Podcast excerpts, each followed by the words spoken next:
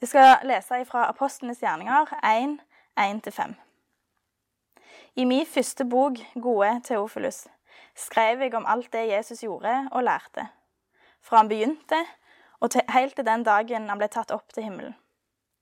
Da hadde han ved Den hellige ånd gitt sine befalinger til de apostler han hadde utvalgt.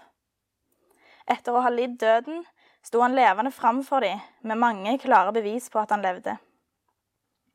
I 40 dager viste han seg for dem og talte om det som hører Guds rike til. En gang han spiste sammen med dem, påla han de dette. Dere skal ikke forlate Jerusalem, men vente på det som Far har lova. Det som dere har hørt av meg.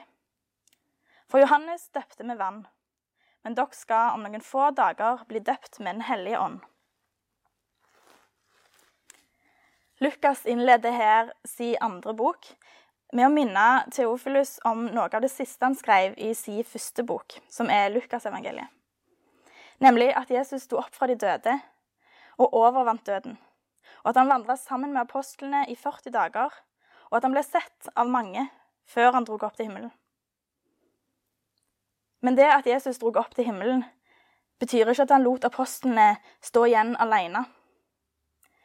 Sånn som de kanskje hadde følt på når Jesus virka til å være borte når han lå i grava. Nå har han jo stått opp, men han vet at han skal eh, reise fra dem.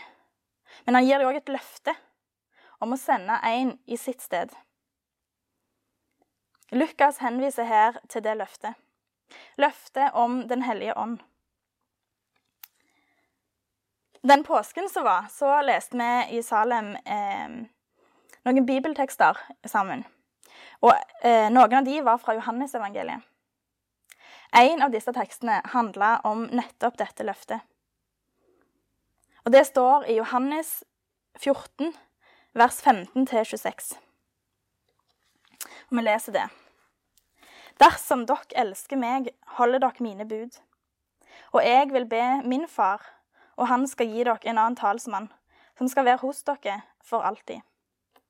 Sannhetens ånd, som ikke verden kan ta imot. For verden ser han ikke og kjenner han ikke. Men dere kjenner han, for han blir hos dere og skal være i dere. Jeg lar dere ikke bli igjen som foreldreløse barn. Jeg kommer til dere. Snart ser ikke verden meg lenger, men dere skal se meg, for jeg lever. Og dere skal òg leve. Den dagen skal dere skjønne at jeg er i min far, og at dere er i meg, og at jeg er i dere. Den som kjenner mine bud og holder de, han er det som elsker meg. Og den som elsker meg, skal min far elske. Ja, jeg skal òg elske han og åpenbare meg for han. Judas, ikke Judas Iskariot, sier til han, Herre, hvorfor åpenbarer du deg for oss og ikke for verden? Jesus svarte, Den som elsker meg, vil holde fast på mitt ord, og min far skal elske han, og vi skal eh, komme og bo hos han. Den som ikke elsker meg, holder ikke fast på mine ord. Det ordet dere hører, er ikke fra meg, men fra Far, Han som har sendt meg. Dette har jeg sagt dere mens jeg ennå er hos dere. Men talsmannen, Den hellige ånd, som Far skal sende i mitt navn, skal lære dere alt og minne dere om alt det jeg har sagt dere. Jesus vet at han skal forlate disiplene, og han lover her å ikke la dem bli igjen som foreldreløse barn. Han skal sjøl komme til dem. Den hellige ånd skal være hos dem for alltid. Og Her trekker Jesus fram noe spennende. Jesus er i Den hellige ånd. Far er i Jesus, og vi er i Jesus, og Jesus er i oss. Jesus snakker her om et fellesskap mellom den treenige Gud, Far, Sønn og Den hellige ånd, og oss. Gud er i oss, og vi er i Han. I Romerne 8, vers 15, så står det at vi har fått Ånden som gir oss rett til å være Guds barn. Og i vers 17 så står det men er vi barn, så er vi òg arvinger vi er Guds arvinger og Kristi medarvinger. Vi som elsker Gud, og som holder Hans ord, er i Guds familie. Vi er brødre og søstre, og vi er heller ikke forlatt av Gud som foreldreløse barn. Selv om Gud ikke er fysisk til stede på den måten som Jesus var blant disiplene den gangen, så er han likevel fullt til stede i oss ved Den hellige ånd. I slutten av disse versene så forteller Jesus at Den hellige ånd skal lære disiplene alt, og minne dem om alt det Jesus gjorde. I Johannes eh, kapittel 16, vers 13-14, så nevner Jesus Den hellige ånd igjen. Men når sannhetens ånd kommer, så skal han veilede dere til hele sannheten. For han skal ikke tale ut fra seg sjøl, men si det han hører, og gjør kjent for dere det som skal komme. Han skal herliggjøre meg, for han skal ta av det som er mitt, og forkynne det for dere. Disse løftene som disiplene fikk, gjelder òg oss. Den hellige ånd skal lære oss alt og minne oss om alt det Jesus gjorde. Han skal veilede oss til hele sannheten. Det vil si at han både vil fortelle oss sannheten om synd i livene våre, men òg om sannheten om Guds nåde og Guds herlighet. Åndens oppgave er å herliggjøre Gud og hjelpe oss til å elske Gud og leve etter Hans ord.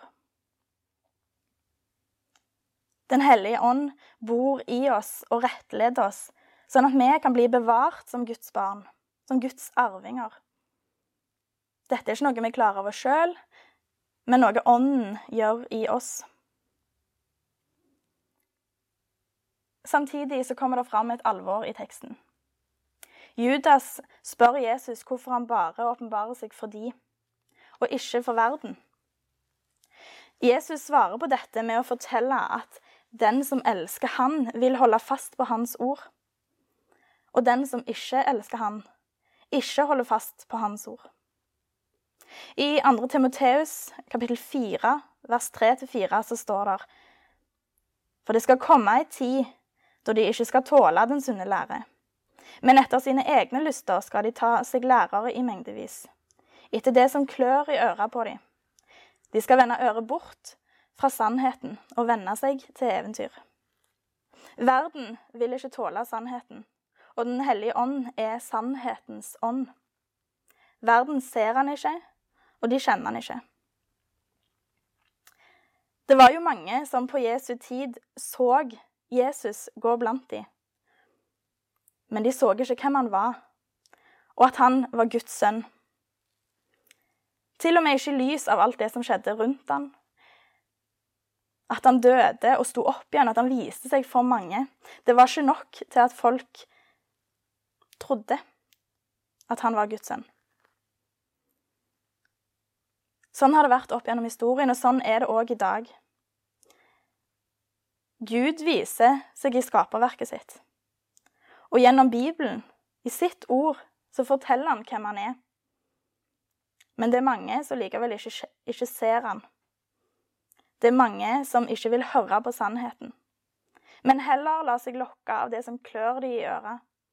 Det som passer bedre inn i deres eller samfunnets verdensbilde. I Galaterne 5, 16-26 så står det Jeg sier dere, lev et liv i ånden. Da følger dere ikke begjæret i menneskets kjøtt og blod. For kjøttets begjær står imot ånden, og åndens begjær står imot kjøttet. Disse ligger i strid med hverandre, så dere ikke kan gjøre det dere vil.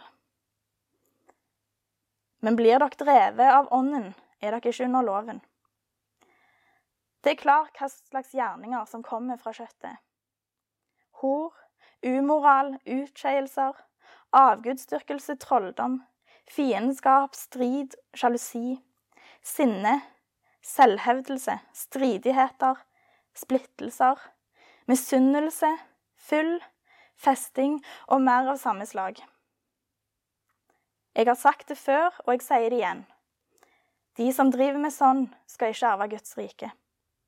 Men åndens frukt er kjærlighet, glede, fred, overbærenhet, vennlighet, godhet, trofasthet, ydmykhet og selvbeherskelse. Slike ting rammes ikke av loven. De som hører Kristus til, har korsfesta kjøttet med dets lidenskaper og begjær. Lever vi i Ånden, så la oss vandre i Ånden. La oss ikke være drevet av tom ærgjerrighet, som vi utfordrer og misunner hverandre. Paulus advarer mot å la seg lokke av alt det som verden har, men oppfordrer til å heller leve et liv i Ånden. Et liv som er prega av Åndens frukter. Kjærlighet og glede, fred, overbærenhet, vennlighet, godhet, trofasthet, ydmykhet og selvbeherskelse. Det skal synes på oss at vi har Den hellige ånd gjennom disse fruktene. Samtidig så må vi huske at å leve et liv i ånden ikke er noe vi klarer i egen kraft. Vi kommer tilbake til det fellesskapet som vi har i Gud. Michael Smith har en sang som heter 'The Same Power'. Den handler om at den samme kraften som rulla steinen bort ifra graven, som grava ikke kunne holde, og som overvant døden Den samme kraften, Guds hellige ånd, bor i oss. Han møter oss der vi er. Han kjenner oss på det dypeste indre. Det er han som hjelper oss å søke Gud og elske Gud og leve etter Hans ord. Det er den samme kraften som reiste Jesus opp fra de døde, og som overvant døden, som forandrer hjertene våre, og som lar troen vår bære frukt.